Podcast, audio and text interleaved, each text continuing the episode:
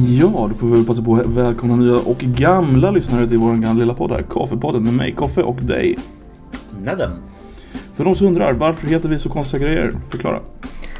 Jo, eh, vi känner varandra via någonting som kallas för Discord. Som är en chattklient helt enkelt som, eh, som tillhör Swedit. Så Swedits Discord, alltså Reddit Swedit. Den Discorden, där lärde vi känna varandra. Eh, så den vägen är det. Och den som vill joina den kan gå in på discord.gg Sweden. Exakt, och det är alltså den officiella discorden för Sweden på Reddit.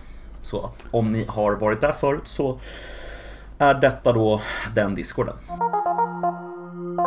Koffe, jag hörde att du hade varit på ICA och det hade hänt någonting rätt udda. Skulle du vilja berätta lite om det? Udda och udda, det, det, det, här, är, det här är en underdrift och en överdrift med Mhm. gigantiska proportioner. Jag bor i Göteborg, som många vet och ingen förstår. Och eh, jag handlar ofta på en av de absolut största ikorna i, i stan och antagligen då en av de största ikorna i Sverige. Och trots att Greta Thunberg har tvingat alla att eh, ta tåget i sommar så har det varit en väldigt varm sommar, eller hur?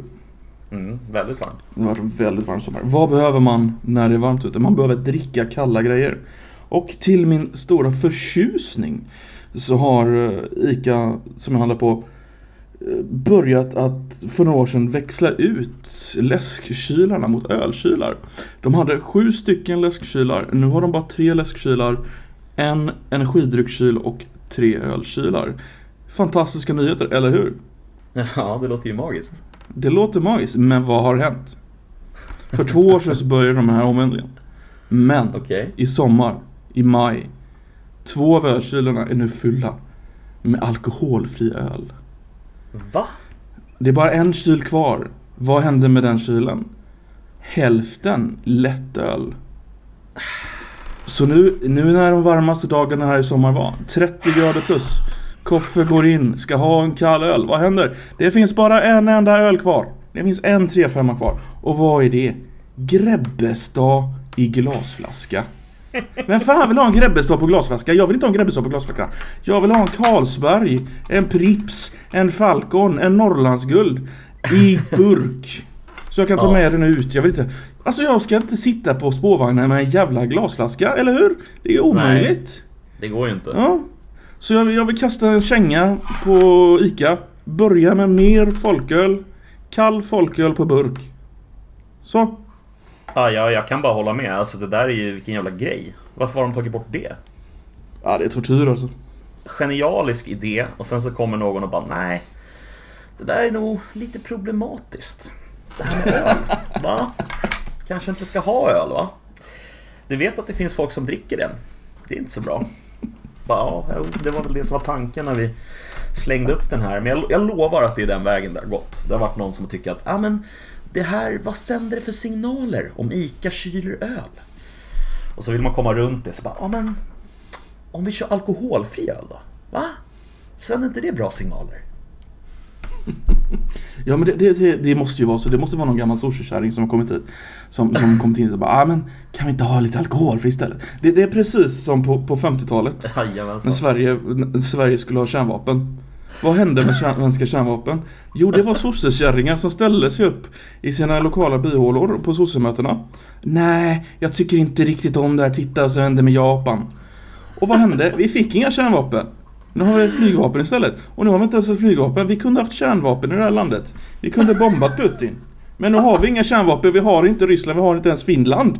Och det är sossekärringarnas fel. Och det är samma sak med folkölen på ICA. Det är exakt samma sak.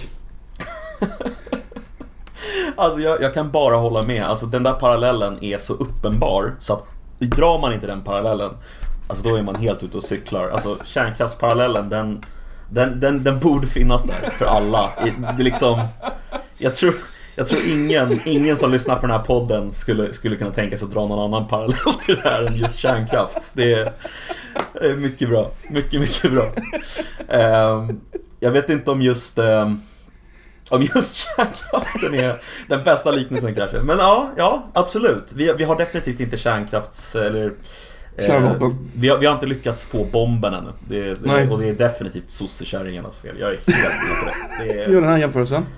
Pakistan, inga sushikärringar. Kärnvapen. Israel, inga sorcerkärringar. Kärnvapen. Sverige, sorcerkärringar och inga kärnvapen. Ja, du ser. Du ser. Du ser. Alltså, den är helt uppenbar. Alltså, det går inte att säga emot. Det är obestridlig logik. På ämnet obestridlig logik eh, så skulle jag vilja ta upp en ganska udda sak. Eh, I alla fall udda enligt mig. Eh, och det är att. Barn och elevombudsmannen, eller vad man ska kalla det för, elevombudet står det för. Barn och elevombudet, BEO.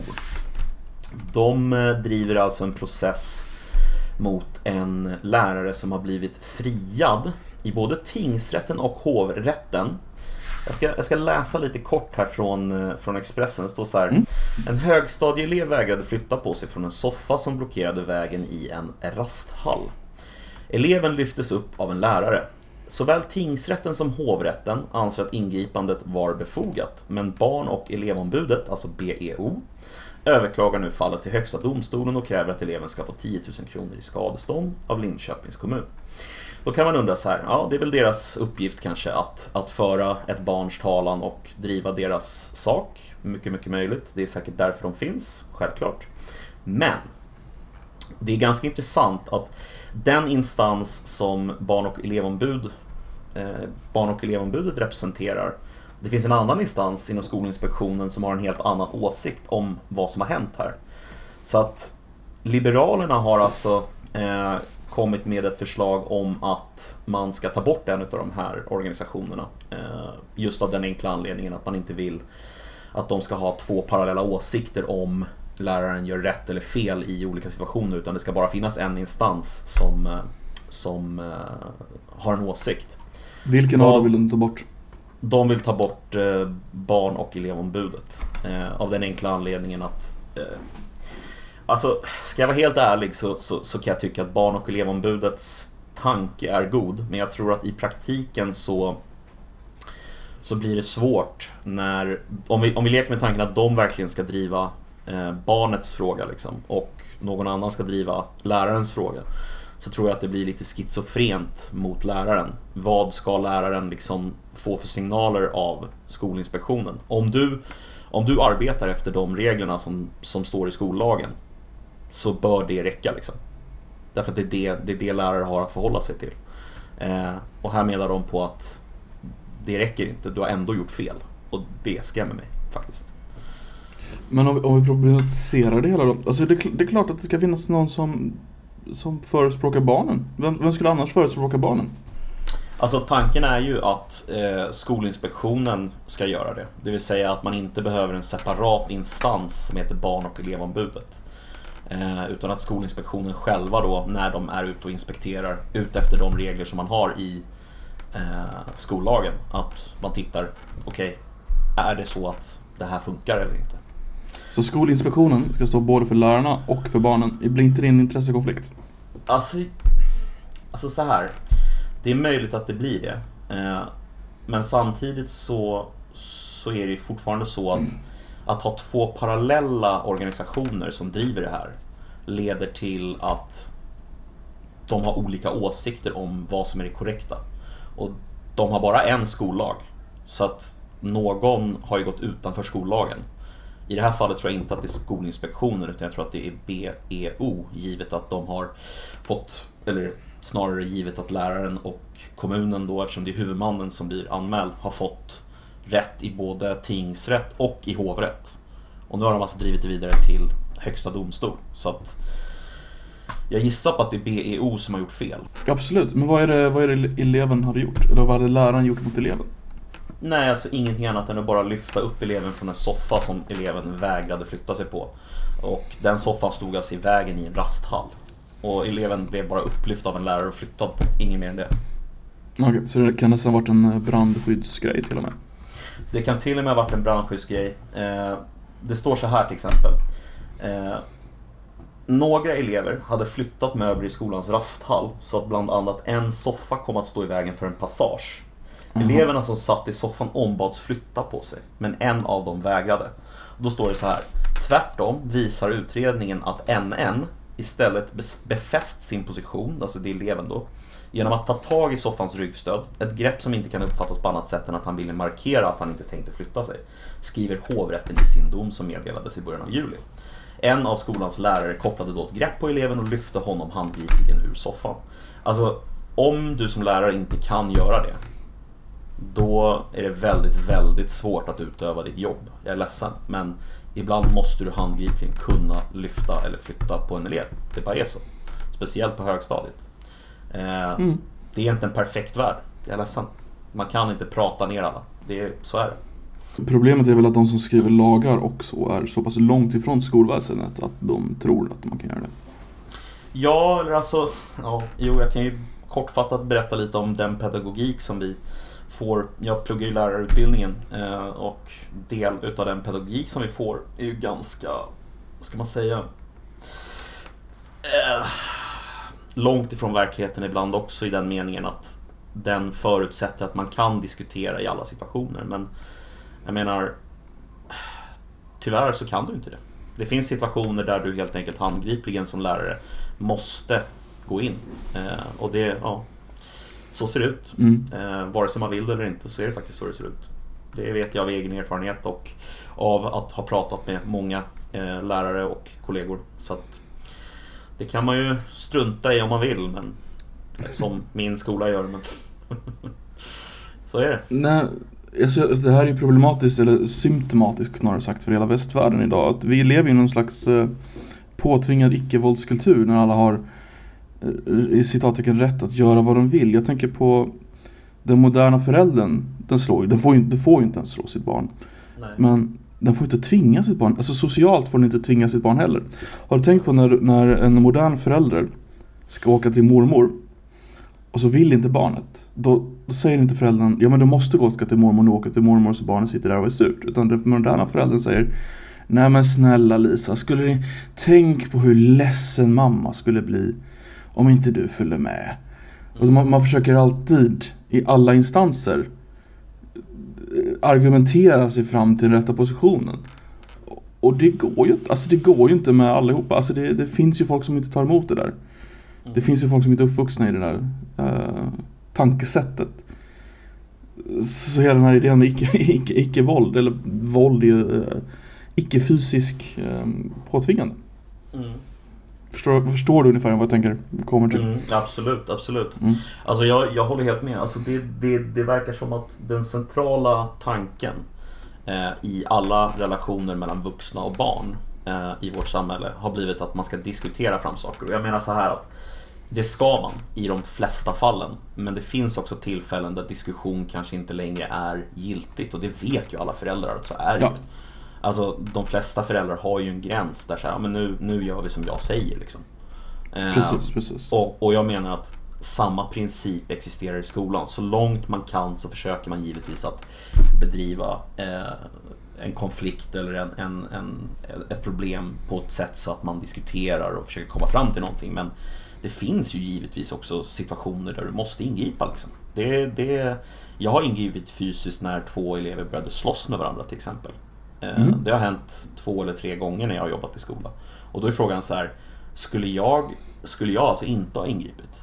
Av den enkla anledningen att jag ska skydda mig själv från eh, barn och elevombudsmannen. För det mm. blir ju konsekvensen. Alltså, om jag vet att eh, även en sån sak som till exempel då att stoppa ett bråk skulle kunna leda till att barn och elevombudsmannen eller barn och elevombudet eh, ser det som någonting negativt, då kanske mm. inte jag gör det nästa gång. Alltså, tyvärr så är det ju faktiskt så vi fungerar som människor. Vi är ändå tvungna att rädda vårt eget skinn någonstans eh, också. Alltså, jag är inte jo, 100% utilitarist liksom. Eh, verkligen inte. Men när du stoppar ett bråk, då går ju inte du in mot en enskild elev och påtvingar den något nytt. Utan du ställer väl antagligen emellan de två som slår varandra. Och i princip blir det en punching bag. Och se till att de slutar slåss. Det är, väl, det, det är väl ändå en annan nivå än att handgripligen tvinga upp en elev ur en soffa. Alltså du lägger ju inte händerna på någon när du stoppar ett bråk. Jo, i det här fallet så gjorde jag det. Eh, jag var tvungen att kliva upp emellan och putta undan den ena och sen så hålla fast den andra medan en annan lärare tog tag i den andra. Alltså det, det var ett riktigt bråk alltså. De skulle verkligen slåss liksom. Det var inte bara så här Jag tror de gick i typ åttan eller något sånt där. Jag så de, de var ju inte jättestora men de var ju ändå liksom tillräckligt stora för att jag skulle vara tvungen att ta i. Alltså det räcker ju inte med att jag bara håller i någon utan jag måste ju ta i med min kraft. Eh, de är ändå Nej, nej, 14 år liksom. Ja, precis. 14-åringar idag går ju på gym också så det är ju... Ja, precis. Det är starka exakt. jävlar. Ja, exakt. Starka, starka, starka små eh, illbattingar. Men när jag gick i, det var faktiskt när jag gick i åttan, eh, så hade vi en ganska intressant eh, situation som hände på grund av, inte på grund av, men i relation till det här. Vi hade en, en väldigt aggressiv eh, kemilärare med Oj. väldigt kort stubin. Och vi hade en elev i parallellklassen, som tur var, som var väldigt, väldigt, väldigt, väldigt, väldigt bråkig. Så det hela, en dag när båda hade ehm, varit i luven på varandra verbalt tillräckligt länge. Och den här unga eleven, ehm, jag kommer inte exakt ihåg vad han gjorde men han gjorde någonting fysiskt. Men det var inte tillräckligt fysiskt för att, eh, i min mening, att eh, acceptera Mm. slutsatsen. Eller det som hände. Det, det som hände helt enkelt var att det var att läraren tog han eh, i, i nacken och lyfte upp han mot ett skåp. Oj. Och eh, slog så att det såg ut som att han skulle slå honom i ansiktet men slog precis bredvid skåpet. Eh, ja, typ som man träffar örat i princip. Du förstår vad jag menar? Mm. Eh, den läraren fick ju jobba kvar i alla fall. Men jag, och jag vet att polisen kom och att det blev en undersökning. Men jag tror han blev frikänd av någon jävla anledning. Jag kommer inte ihåg varför. Mm. Men den killen Men- efteråt, han var ju ganska kolugn på kemilektionerna kan jag ju säga. Ja, alltså han förstod väl någonstans, alltså nu menar inte jag att den här kemiläraren gjorde rätt, missförstå mig inte. Nej, nej. Så att jag, jag, jag tycker verkligen inte att han gjorde rätt, tvärtom. Men, men det blir ju effekten. Eh, alltså att när du väl förstår att oj, det här är en annan människa, en vuxen människa som är väldigt mycket starkare än mig Mm. och som är antagligen också väldigt mycket mer Ja, som har en gräns så att säga också. För vi är bara människor liksom. Precis. Ja, Alltså, absolut. då kanske man inser att oj, det här var ju dumt. Kanske inte ska provocera för långt.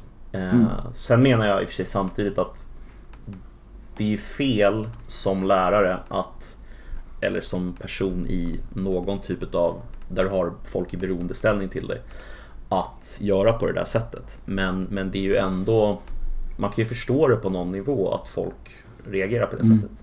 Jag, kan, jag har en egen anekdot eh, som är. Mm, rätt så sjuk. Eh, det var, jag gick på en skola på gymnasiet som var väldigt, väldigt, väldigt bråkig. Eh, och när jag säger väldigt bråkig så menar jag att folk sålde droger på skolan och det var liksom kaosartat. Eh, och då hade vi eh, en lärare som, av alla lärare vi hade så var det bara en enda lärare som kunde liksom stämma i bäcken och se till så att alla höll käften helt enkelt. Och eh, så var vi försenade till hans lektion, jag och två polare då. Jag sätter mig på bänken utanför och tänker så här, men han öppnar väl dörren snart liksom. Eh, men de två ställer sig och börjar banka på dörren. Så mycket de kan. För att han inte öppnar. Varpå han blir helt vansinnig och kommer ut och skriker Era jävla bögjävlar! Ni ska gå ner till rektorn nu, förstår ni det? Och jag bara Okej, Okej? Alltså han sa inte det till mig utan till de här två Mm, andra killarna. Men, men jag, alltså Poängen jag försöker göra är väl att lärare är också människor och någonstans finns det ju gränser så att säga. Det där var ju också fel men, men man måste ju förstå att det kan hända. Det, folk spårar ur om man tryck, pushar dem för långt. Vi måste acceptera att lärare är människor helt enkelt. Eh, Jag tror och De är satt i en ganska omöjlig position just nu. Med, med alla krav och alla... I, I princip sätter vi hela integrationen på lärare i dagsläget. Mm. Ge dem Mm. utbildning så löser det sig liksom. Det, det, blir, det, det blir nog lite för mycket för lärarna. Egentligen. Ja, alltså hela den här grejen med att eh, lärare ska eh, på gymnasiet då eh, med den här afghanamnestin eh, Mm. Att bli slutgiltigt ansvariga för huruvida någon får stanna i Sverige eller inte. Vilket i praktiken du blir eftersom Mm. vi, om du godkänner någon och ger dem en, en, en gymnasieexamen då, om jag har förstått den här lagen rätt, så får de stanna och blir de inte godkända då får de inte stanna. Det Eh, är ju helt sjukt alltså. Ja, eh, jag hoppas att jag missförstått lagen för att funkar det på det sättet så är det ju Ja, osmakligt Om man Ja. Ger den makten till en lärare som egentligen i sin myndighetsutövning inte ska ha den typen av inflytande, tycker jag.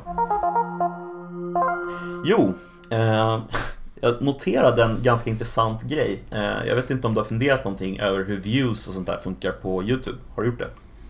Uh, jo då, viss nivå absolut. Alltså vad som får mycket views, vad som får lite views och så vidare. Och så vidare. Jag, jag, ska inte er, jag ska erkänna direkt att jag är inte en person som tittar mycket på eh, Youtubers. Jag vet ju att det finns många Youtubers, typ Pewdiepie. Ja, kommer inte på några andra nu bara för det. Men, men, men Pewdiepie var i alla fall en som jag satt och kollade på och märkte att han hade börjat spela Minecraft. Mm. Och eh, då scrollade jag ner och så såg jag att de tidiga veckorna innan han spelade Minecraft så hade han mellan, säger, mellan 3 och 5 miljoner views ungefär per avsnitt som han eh, lägger upp. Och efter det att han har börjat sända Minecraft så har han alltså mellan 10 och 15 miljoner views på varje video. Och då undrar jag så här, hur är det möjligt? Alltså hur är det möjligt att det kan vara en sån extrem eh, skillnad, nästan 10 miljoner views, på att streama ett spel? Jag fattar inte det. Eh, har, du, har du någon slags här, har du någon take på det? Förstår du hur, hur det fenomenet? Jag tror han är ganska lyckligt lottad här. Det är ganska många grejer som har samlat, sammanfattats här, som har kommit tillsammans här. Eh, För det första, han har inte spelat, jag har av någon jävla dum anledning följt Pewdiepie ganska länge. Mm. Eh, antagligen för att han är göteborgare eller någon slags absurd lokal patriot. Jaha, han är göteborgare, jag visste inte det. Det gjorde han. Eh, Okej. Det hör man när han pratar svenska. Eh, du skrattar, du förlorar. Och sånt där han. Det är lite roligt. Ehm, när han bodde i, ja det spelar ingen roll. Jag vet, jag vet var han bodde till och med. Varför, varför vet jag det här? I alla fall- Jag vet inte, varför vet du de här sakerna Koffe? Jag vet inte. Eh, ja, han- pluggade på Chalmers. Uh, Jaha. han hoppade av Chalmers för att ta uh, gaming, uh, youtubandet på allvar. Det är faktiskt ganska fascinerande. Faktiskt. Och när tidig. inte det funkade i början så jobbade han på en korvkiosk och eh, spelade, spelade spel under tiden. Uh, Nåväl. Eh, Grejen var att eh, alltså, senaste tiden inte han, innan Minecraft, att han har inte spelat så mycket. Han har eh, andra videos, typ eh, You Love You Lose. Han kollar på memes till exempel. Det, det gör han typ varje onsdag tror jag det är. Så här. Han har lite olika grejer men det är väldigt, väldigt lite spel den senaste Mm. tiden. Och han blev känd vid att börja spela så att, och nu går han tillbaka till att börja spela. Så det tror jag att har haft en effekt att han har återengagerat gamla subs. Sen är han ju världens mest sub subscribade människa med nästan 100 miljoner människor. Mm. Det får ju views. Sen, och det här tror jag är det mest essentiella. Under våren och tidig sommar så har eh, världens mest populära spel bytits från Fortnite tillbaka till Minecraft. Så Minecraft är just nu världens mest populära spel. Va? Ja, det har gått tillbaka. Jaha. Så Minecraft är har du- världens mest populära spel och då börjar han spela det.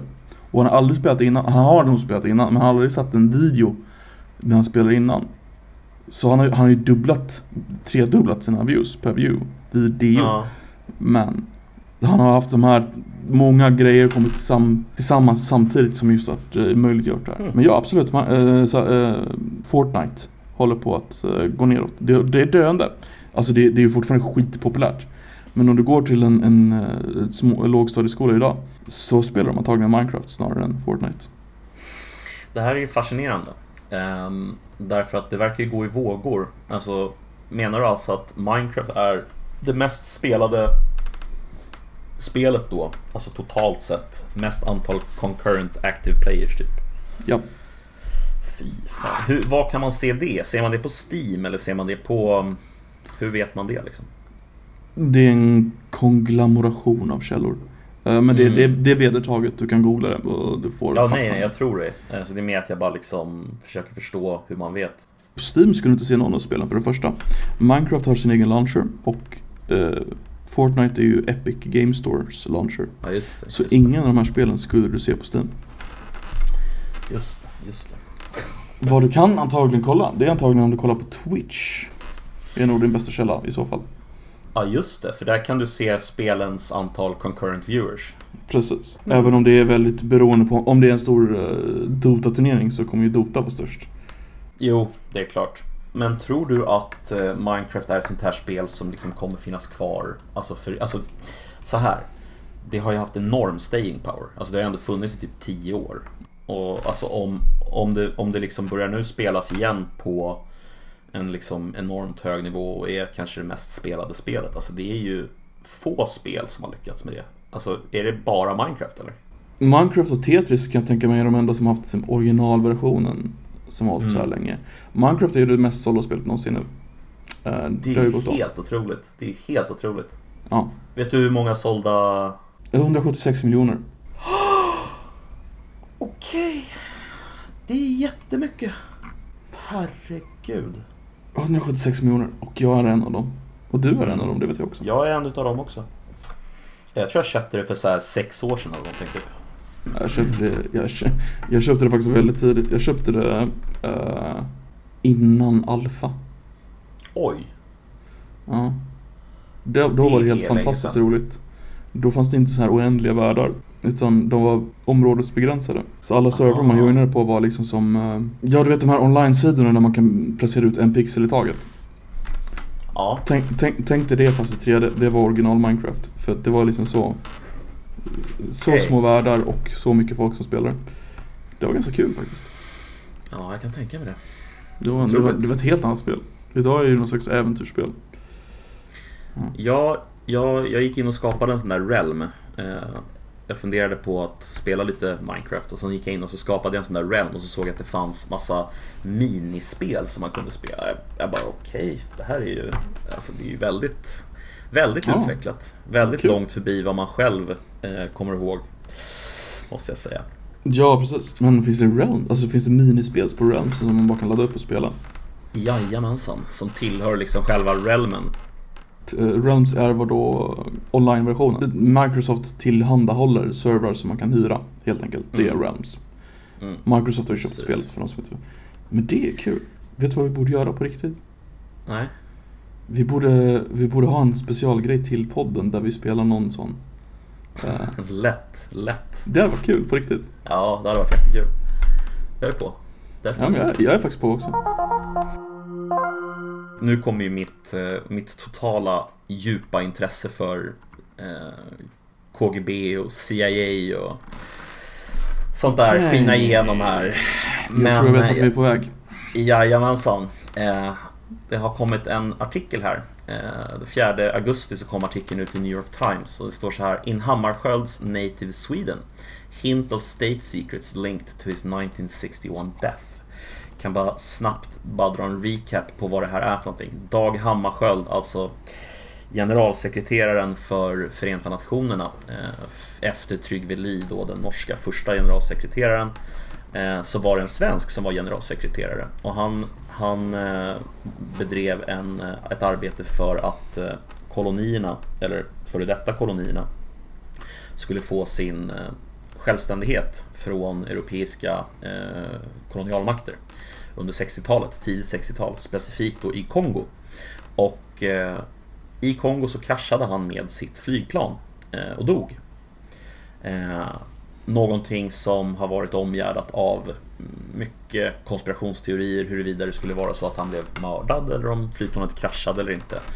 Eh, men nu visar det sig att eh, det är nämligen som så att Förenta Nationerna de tillsatte en, eh, en kommission eh, efter en bok som släpptes 2015 som heter Who Killed Hammarskjöld. Den boken eh, kom med massa ny information och då tillsatte man en, en utredning. Den utredningen har nu lett fram till att man har hittat dokument i Sverige som Sverige vägrar släppa. Eh, Samtidigt har Sverige gått ut med att man förväntar sig att andra länder ska avklassificera relevanta dokument kring det här. Eh, men vi vägrar, vi vägrar samtidigt avklassificera egna dokument. Eh, som då Förenta Nationerna vill ha av oss. Vilket jag tycker kan vara lite, lite roligt. Eh, att bara förstå hur, hur väldigt, väldigt eh, eh inte korrupt, det är fel ord, men väldigt eh, self-serving. Det är liksom alla andra ska göra, eh, men kommer det till att man själv behöver göra så nej, inte vi va. Vi, vi behöver inte släppa några dokument, knappast. Så att eh, jag vet inte, jag är lite besviken på att vi inte släpper de dokumenten. Eh, det är ändå dokument från 1960 ungefär så att de borde inte vara sådär super superheta. Säg inte det. Säg inte det. Nej. Alltså skulle det komma fram att CIA hade något att in, in, inverka med, med att FNs generalsekreterare dog, blev mördad. Det hade ju varit sprängstoft. Absolut, ifall det kom fram att det var så ja. Eh, Ja, det, som- finns, ju- det finns ju lite olika spår på det där. Det finns ju CIA-spåret, det finns Sydafrika-spåret och det finns väl Mossad-spåret också vill jag minnas. Mm, det finns en hel del grejer. Alltså det som, det som verkar ha kommit ut nu är ju att det är någon, vad ska man kalla honom för, någon legoknäckt. Mm. Som ska ha varit upp, en belgisk legoknäckt då. Och det var ju, Kongo var ju belgiskt. Eh, Precis. eller var belgiskt fram till ja, strax innan där. Eh, och det ska vara någon belgisk legoknäckt som var uppe och flög samtidigt med, en, med ett flygplan. Eh, men huruvida det stämmer eller inte, det vet man ju inte.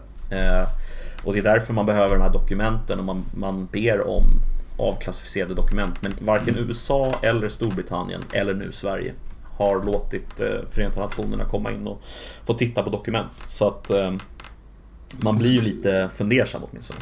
Det är ju något jävla fuffen som döljer sig där alltså. Ja, kanske. Vad, om vi gör så här. Sverige, alltså nu, nu är det här konspirationsteori 2000. Mm. Um, om Sver- Sverige vägrar släppa det här. Då kan man ju anta att någon i Sveriges högsta styrelse var med på det. Och då kanske Sverige fick någonting för att gå med på det här. Vad fick Sverige på 60-talet? Vad gick, alltså det här är en öppen fråga. Vad fick Sverige på 60-talet? Vad gick bra för Sverige på 60-talet? Ehm, Alltså så här är det ju att alltså, man skulle ju kunna tänka sig att, att det som hände var att någon tog livet av honom. Vi Mm. förstod att det var någon som tog livet av honom men vi förstod också samtidigt att vi inte hade tillräckligt med clout Mm, eller mm. inflytande för att det skulle vara meningsfullt att försöka driva en process. Alltså Politiskt kapital. Politiskt kapital, precis. Vi hade inte tillräckligt med politiskt kapital. Av den enkla anledningen att alltså, det vi fick utav, alltså om vi nu leker med tanken att det var en Ja. kombination av typ eh, MI6 och CIA eller någonting liknande. Så, som liksom ligger i bakgrunden eller att belgiska eh, säkerhetsapparaten har varit med på något sätt. Så kan man åtminstone tänka sig att det skulle vara väldigt svårt för oss att eh, att gå ut med det öppet därför att vi helt enkelt är, eller var och är, eh, deras mer eller mindre allierade. Inte officiellt men i praktiken så var vi ju det. Vi fick väldigt mycket material av USA i termer av liksom ut, eh, avlyssningsutrustning mot Sovjet och alltså vi, vi hade ett väldigt stort och omfattande utbyte med väst och det var man nog inte villig att sätta på spel eh, kan man föreställa sig. Eh, Nej, alltså vill man vara lite illvillig så kan vi säga att vi var en, eh, under, i alla fall under kalla kriget, att vi var en eh, tyst NATO-medlem. Ja, definitivt. Det skulle man nog kunna säga. Det finns ju den här boken av Mikael Holmström, Under ytan med NATO. Den är väldigt, väldigt bra. Om man, Mm. om man gillar att läsa om sånt där. Men jag ska inte, jag ska inte spåra ur mer om, om Hammarskjöld. Jag tyckte bara det var en intressant, en intressant grej i förbifarten.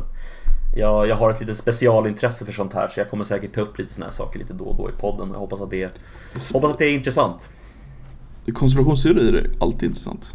Mm, det kan alltid vara lite kul att, att höra om. Så länge som man försöker att bibehålla någon slags eh, neutral och inte liksom Ja, så här är det. Jag har ingen aning om det var så. Eh, men jag tycker i alla fall att man ska Man bör fundera på hur det kan ha gått till i alla fall. Ja. Yes. Alltså något fuffens måste det ju varit. Det, det, Ja, kanske. Alltså, jag menar, det här leder ju oss in på en annan fråga, eller hur? Gör det inte det? den om Centerpartiet. Den... ja, exakt. Den om Centerpartiet. Nej, jag tänkte på den om Epstein och Den om eh, Epstein. huruvida... Ja, Det där är eh, också väldigt intressant för att eh, i veckan, eller igår till och med, så har eh, Jerry Epstein heter han va? Ja, Jeffrey. Jeffrey, Jeffrey. Epstein. J som J. Eh, tagit livet av sig, sägs det. Detta till trots att han var på Suicide Watch. Mm. Och han hade försökt ta livet av sig för två veckor sedan. Men du, du vet ju också mer om det här. Det är ju din, eh, det är ditt specialområde. Alla konspirationsteorier. Ja, jag kan väl göra så gott jag kan i alla fall. Alltså som jag har förstått det så, det är lite oklart huruvida han var på Suicide Watch eller inte. Eh, mm. Det som är klart är att han hade varit på Suicide Watch, men att han antagligen hade plockats av Suicide Watch. Eh, precis några dagar bara innan. Men 22 juli tror jag så påstod han att han blev attackerad inne på fängelset. Eh, och eh, det var oklart då om han blev attackerad eller om det var ett självmordsförsök. Han ska ha haft eh, stryp, eh, strypmärken runt halsen. Eh, huruvida det stämmer eller inte, det vill säga om han hade strypmärken runt halsen, det är ett påstående som ligger där ute. Att det var på det sättet. Men det som vi vet är i alla fall att antingen så blev han attackerad eller så har han försökt att begå självmord en gång förut i fängelset. Eh, om det stämmer, att han har försökt begå självmord förut eller har blivit attackerad, så gör det åtminstone det ganska konstigt kan jag tycka att man eh, inte hade eh, dag och nattbevakning över honom så att man kunde se vad som hände liksom, med honom. Eh, det brukar ju vara standard. Jag har nämligen läst lite andra personer som har pratat om det här som har jobbat inom samma sfär. Alltså med det här specifika fängelset och de påstår att av tusentals fall som har varit självmordsbenägna så har de, kan de inte påminna sig en enda gång när någon har lyckats ta självmord. Så att... Mm, jag vet inte, man, man, blir lite så här... Alltså, jag lutar ju någonstans åt att det är ju antagligen ett självmord bara. Men samtidigt, alltså det är ju väldigt, väldigt bekvämt, är det inte det? Jag vill flika in med en liten grej innan. Uh, mm. För de som inte vet vem Jeffrey Epstein är så är det en amerikansk miljardär som är fängslad för att ha uh, human trafficking av uh, unga kvinnor. Mm. han har haft ett flygplan som kallats Lolita Express. Och antalet kända människor inklusive nuvarande presidenten i Bill Clinton har flugit på det här flygplanet också. Så han, det, det, är en man med väldigt höga kontakter och väldigt fula vanor. Om vi säger så. Mm, det kan man lugnt säga. Väldigt fula vanor. Um... Och det har ju kommit ut. Det är ju välkänt att det var unga minderåriga kvinnor som han trafikerade. Och det är väl andra gången till och med han är fängslad för det här. Precis, han blev fängslad 2008 och fick typ 15 månader eller någonting i den stilen. En annan, en annan sak som jag tycker är intressant eh, med det här, det är att Eh, och det här är ju delvis då på grund av att jag har det här specialintresset i CIA och Mossad och sådana där saker. Jag tycker sånt är väldigt intressant. Det är att hans partner, eh, Ghislaine Maxwell, är alltså dotter till tidningsmagnaten Maxwell som som blev mm, antingen mördad eller, eller föll över bord. Ehm, Eh, och det kom fram, han, han dog, det kom fram massa oegentligheter om hans företag. Eh, på hans begravning så var det fem stycken före detta chefer från Mossad. På hans begravning. Eh, och det är någon, även någon Mossad-chef eh, som har uttalat sig efteråt och sagt att han gjorde väldigt fina saker för Israel men att de kan inte prata om det. Så att Epsteins frus pappa var i alla fall någon typ av, hade någon typ av koppling till Mossad och till olika eh, underrättelsetjänster helt enkelt i världen. Eh, det är belagt, det är ingenting som jag sitter och mm. hittar på utan det vet vi att det är så. Sen huruvida dottern i sin tur då har någonting med det att göra, det, jag har ingen aning. Men det är i alla fall ett sånt sammanhang som existerar för hennes pappa. Så att... Hans morfar då? helt enkelt hade de här kopplingarna. När gifte de sig? Vet vi det? Alltså var, var han i livet när, när de var gifta? Eh, nej, jag tror inte det. Han dog 91 tror jag. Eh, 91 på båten där? Ja, på båten. Han ramlade, ramlade av båten helt enkelt. Samtidigt som det var massa oegentligheter kring hans företag som började dyka upp. Så att antingen kan han, ja, han hade begått självmord men... Han hade väl använt pensionsfonden för att hålla företaget i liv vad jag förstått. Mm, stämmer alldeles utmärkt. Samtidigt var han en, en, en, ganska fet man med, med dåligt hjärta.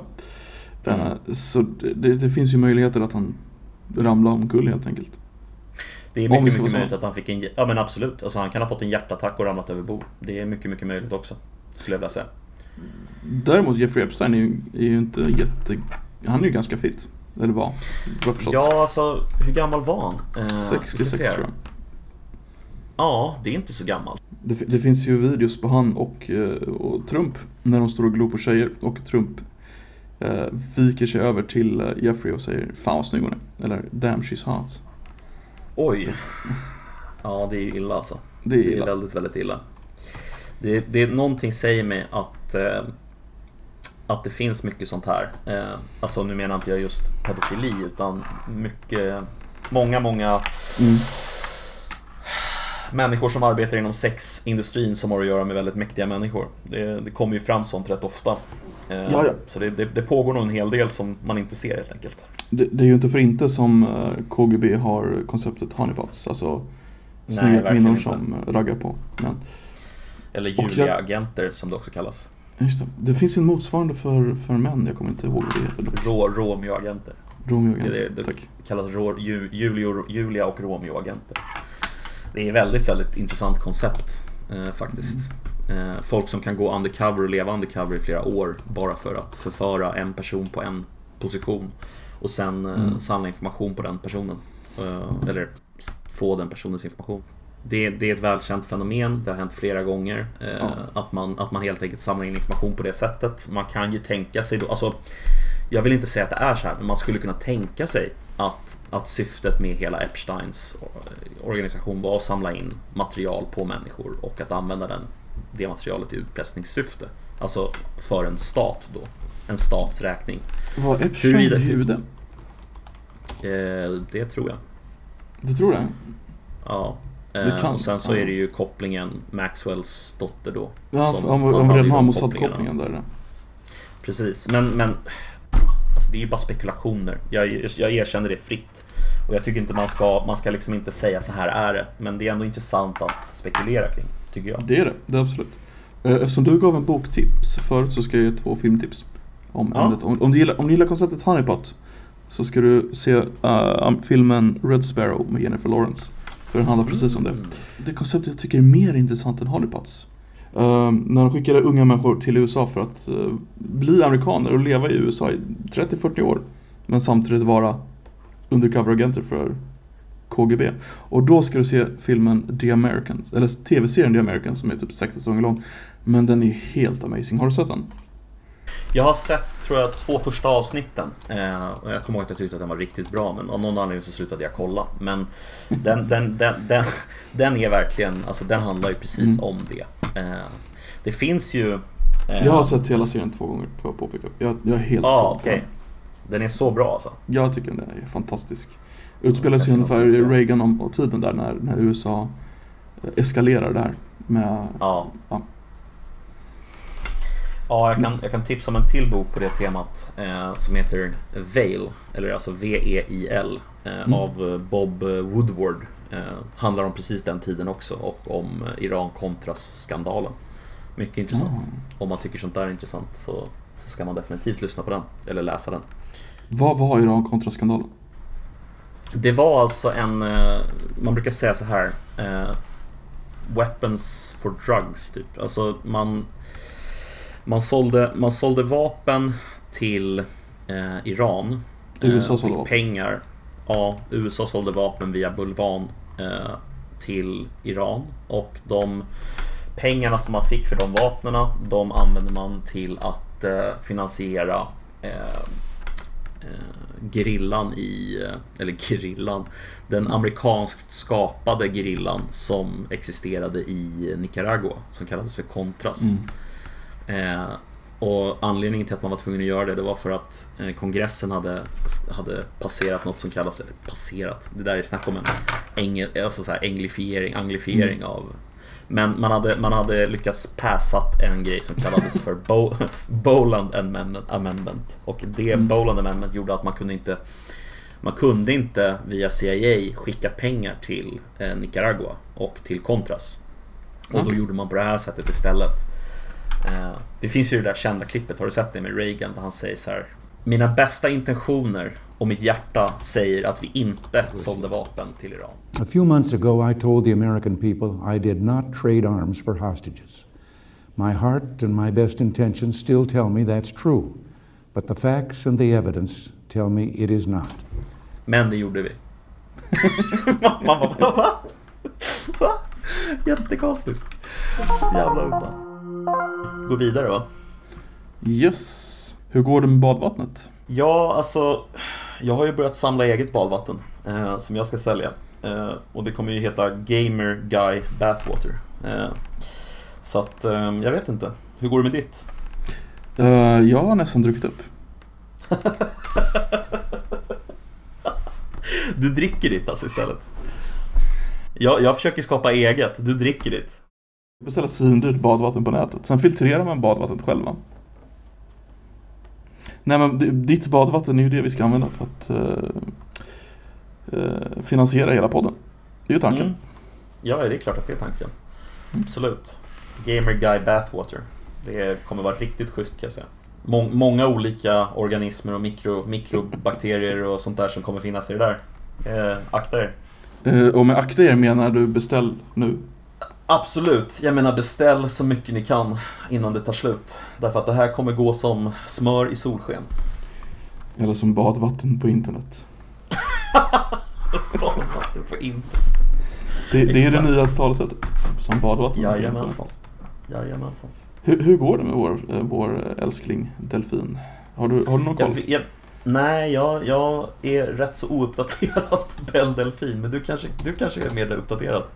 Ska det här, ska det här bli vår eh, week to week follow-grej alltså? Ja, det- jag, det jag. jag vet att hon inte har fått tillbaka sin Instagram än. Men hon har börjat uppdatera sin Twitter igen. Oj! Där ser man. Mhm. Och hon är tydligen på semester. Men om man följer hennes Snapchat, då får man nakenbilder. Oj! Ja, Nämen! nej precis. Där ser man. Oj, oj, oj. Har hon tagit det steget nu alltså? Hon har tagit steget. Men nakenbilderna har alltid ett tema. Hon cosplayar naken. Vilket känns som en motsägelse i sak, men det får hon väl göra om hon vill. Hon cosplayar naken.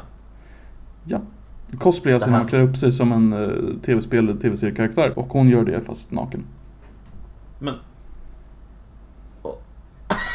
Så hon har inga kläder på sig. Och hon cosplayar naken. Ja, eller valda delar naken, om vi säger så. Alltså. Världen är bra jävla sjuk, Koffe. Är den inte det? Ja, det finns ju liberaler. Ja, det gör ju det. Jag vet. Sorry. Vi, vi existerar. I know. I know. Finns det något värre än att vara med i en av de två liberala ungdomsförbunden? Luff gick ut och sa att de vill ha nekrofili. Centerpartiets ungdomsförbund kontrar med Ja, då ska vi ha pedofili. Alltså det är ju lite av en sån här ful tolkning. Men absolut, absolut, absolut. Jag, jag köper den fultolkningen. I Centerpartiets värld så hade Jeffrey Epstein varit levande idag. Alltså. Ah, Vad heter det? Jag tänkte på det när de, när de kom med det där förslaget. Alltså att de inte ser att det sker en glidning i, alltså så här. Det var någon som sa det jävligt roligt. Vem blir gladast för den här lagen? Är det de unga tjejerna? Eller är det de, är det de äldre männen som, som liksom tycker att det här är en jättebra idé som blir glada? Jag vet inte. Jag tror inte att de unga flickorna ser att det här är en speciellt bra bra idé och inte de unga killarna heller. Vet du, vad, vet du vem som blir gladast? Nej, För att återsluta till, till, till tidigare ämne. Det är sossekärringar som blir gladast. hur tänkte du då? Förklara, förklara. Ja men det, det är välkänt faktum att eh, gamla gubbar åker till Thailand och snuskar sig. Mm. Och sossekärringar åker till Gambia Mm. och snuskar sig. Det är Gambia-snuskeriet som, eh, som är okej dock, det vet du väl? Det, det får man ju inte diskutera, det är ju inga Mm. problem. Det är Nej, inte precis. problematiskt. Och nu ska det legaliseras. Med Centerpartiet. Jaha. jag fattar. C- jag Centerpartiet drivs ju av en Mm. ung socialdemokrat. Jaha. Du tänker på Annie Lööf? Ja hon är ju socialdemokrat, hon har ju gått med i Socialdemokraterna nu. Ja, De är ju det allians. Sen gammalt. Det är ju en allians, exakt. Mm, precis. Men jag måste säga det, jag måste säga det, jag är ändå rätt nöjd med, med det som kom ut ur det där eh, eh, samarbetet. Alltså har du tittat någonting på, på avtalet som de, som de 74 Ska genomföra. punktersprogrammet. mm, Uh, nej.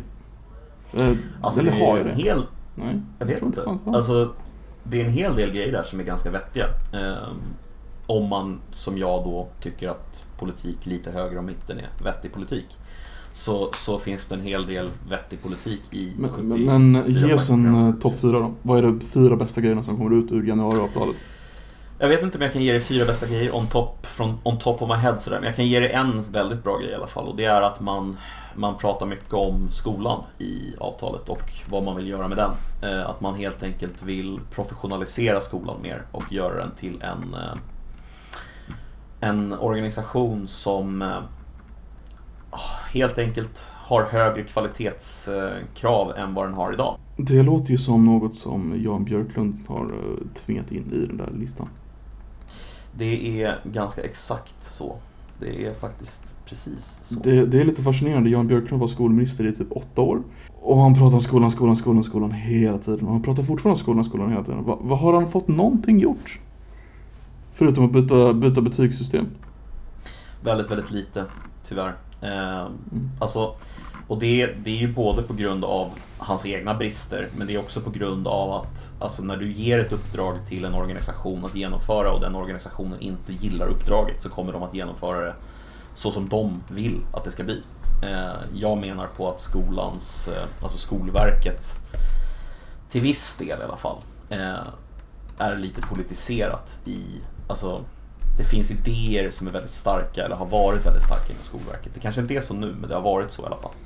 Så att när man genomförde deras reformer som gick ut på mer, mer liksom, disciplin i skolan så blev det inte så i praktiken.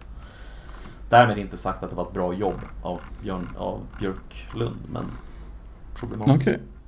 En grej jag vet att han fick igenom det var ju det här med första lärare. Vad är, vad, vad är första lärare? Nej, det är den dummaste jävla reformen som har gjorts i svensk skola någonsin. Alltså. Det är så dumt så det är Det här, nu, nu tar du eller? Är det verkligen det dummaste Nej, det någonsin? är typ, typ en av de dummaste i alla fall. Där uppe.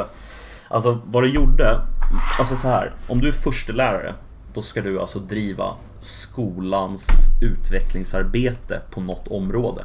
Det finns inget krav på vilket område, utan det bestämmer du tillsammans med din rektor. Så att om du blir till exempel eh, förstelärare, då får du för det första 5000 kronor extra i lön. Det är Bara det som alla, rakt av, pang tjoff, varsågod. Eh, och sen så ska du då på en viss procent av din arbetstid så ska du utföra ett, ett utvecklingsarbete för skolan du är på. Och då kan det vara allting ifrån att du ska bedriva utvecklingsarbete eh, inom IT eller ITK som det heter, vackert inom skolans värld, till att du ska bedriva utvecklingsarbete på hur man lär ut matematik eller liksom, det kan vara vad som helst. Grejen är bara den att den allmänna konsensus kring det här verkar vara att eh, det här är bara ett sätt för eh, att höja lärarnas löner utan att liksom verkligen få dem att göra någonting som är positivt överhuvudtaget. Det blir ingenting av det här i praktiken. Utan det blir bara 5000 kronor och sen så har man, har man det här uppdraget men pliktskyldigt så presenterar man någonting på en gemensam konferens ungefär och sen så glöms det bort. Men det är väl bara en lärare per skolas lön det höjer då? Eller en lärare per ämne? En stor skola har väl flera lärare i samma ämne? En, en stor skola har flera lärare i samma ämne men det är Och det inte är bara en som får ämnes- 5000? Nej, det är flera stycken. Det, det brukar finnas ett visst, alltså så här, baserat på hur stor skolan är så får du ett visst antal förstelärartjänster. Är du med? Och de förstelärartjänsterna kan du sedan dela ut till vem du vill. Eh, problemet med det är att eh, det resulterar i att eh, de människorna som eh, har bäst relation med rektorn som kanske inte nödvändigtvis är de bästa lärarna de får de här tjänsterna och eh, det blir väldigt, väldigt eh, Alltså om vi säger så här Hade det bara varit ämnesspecifikt vad man skulle liksom vara förstelärare inom så hade det varit bra. Men det är det inte. Så det är istället, du kan vara förstelärare i schack. Är du med? På riktigt? På fullaste allvar, det finns en förstelärare i schack. Nej, du skojar. Första lärare i Jag schack. skojar inte. Det, det där känns som som någon borde arkebuseras innan. Ja, alltså det är ju väldigt så här, ja okej, vettigt, an- vettig användning av skolans resurser. Det finns ju liksom en alternativkostnad. Eh, så att, ja, jag vet inte. Jag är inte, inte, inte, inte helt nöjd. Jo, precis, precis. Men är det egentligen något fel att ge lärarna mer lön? Nej, inte, i, inte egentligen. Eh, jag, tror, jag tror att det är bra. På lång sikt så kommer det leda till att människorna som söker sig till läraryrket eh, faktiskt, alltså det kommer höja trycket på lärarutbildningen och förhoppningsvis kommer det leda till att eh, nivån på de som vill bli lärare går upp. Jag har ju varit väldigt fundersam ibland med några av mina lärarkollegor eller lärarstudentkollegor som saknar ett och annat övrigt att önska. Om vi säger så. Folk som skriver på en väldigt låg nivå och som knappt kan föra sig i samtal och sådär. Som väljer att bli lärare för att det är väldigt låga intagningspoäng. Det är ju det är väldigt tråkigt att folk söker sig dit av den anledningen. Så det skulle man behöva åtgärda. När jag började plugga så var ju det lite synen på lärarprogrammet att det är de som inte kommer in någon annanstans, de blir lärare. Mm, precis så. Och det är, det, är tyvärr, det är tyvärr sant också till viss del. Det är ju jättetragiskt egentligen. Det, är, det, det, det har en eskalerande effekt, eller kaskerande effekt att då blir Mm. varje generation lite sämre. Ja, alltså, alltså det som jag upplevt som problemet är ju att Alltså som vi var ju typ Alltså jag började ju lärarutbildningen 2016 eh, Och vi var ju 80 stycken som började utbildningen och jag tror att vi Är någonstans 30 stycken kvar på utbildningen nu eh, Och de som droppat av längs vägen, alltså de ja, det, är- det, det är svårt att sätta ord på annat än att säga att det är, det är undermålig kvalitet i alla fall det här är ju problem som man har skapat helt själv. Alltså vi hade ju en fantastisk skola som funkade väldigt, väldigt bra. Sen är det klart att friskolereformen gjorde inte det här bättre liksom. Har jag så. förstått det rätt om jag säger att Finland har den skolan vi hade förut? Ja, ungefär så. Alltså deras skola är baserad på våran skola typ. Jag har för mig att det var så. Eh, i, alltså delvis så är alla, all, all skola i världen är baserad på ett koncept från John Dewey, delvis en amerikansk filosof. Som, som alla byggde vidare på, som handlar om det här med humanism och att man ska liksom lä- lära ut och göra, göra elever till demokratiska medborgare. Och det, det är väldigt, väldigt viktigt och väldigt, väldigt bra. Men det är samtidigt en, en eh, man har på vägen någonstans så har man tappat bort sig lite i värderingsarbetet och släppt liksom kunskaps, eh, kunskapsfokuset. Tycker jag i alla fall. Nej, det är väl kunskap man vill ha. Ja, alltså om det, man får väl tänka så här att givet att Sverige ska konkurrera på en global marknad med länder som Kina, Sydkorea och Japan eh, där man liksom pluggar 12 timmar om dagen så menar inte jag att vi ska plugga 12 timmar om dagen men vi kanske åtminstone ska se till att våra elever eh, ökar sina kunskaper och att, vi, att det går positivt i PISA-undersökningar och liknande kan jag ju tycka. Vi- Vilken, Så, vilken ja. vågad ståndpunkt att det ska, ska bli bättre, herregud. Jag vet Mm, inte, vart, vet inte vilket land det bor i. Nej, det är, eller hur? Visst är det, det, är, det är nästan för kontroversiellt, eller hur? Kontroversiell take. Det borde bli Mm. bättre i skolan. Ja, en nuclear hot take alltså, jävlar. Ja, sorry. Ja du, tack alla våra lyssnare för ännu en vecka av en ännu fantastiskare podcast än förra veckan. Med mig, Koffe och dig. Nedden. Detta var Koffepodden. Vi hoppas att ni lyssnar nästa vecka. Ha det gött. Hej.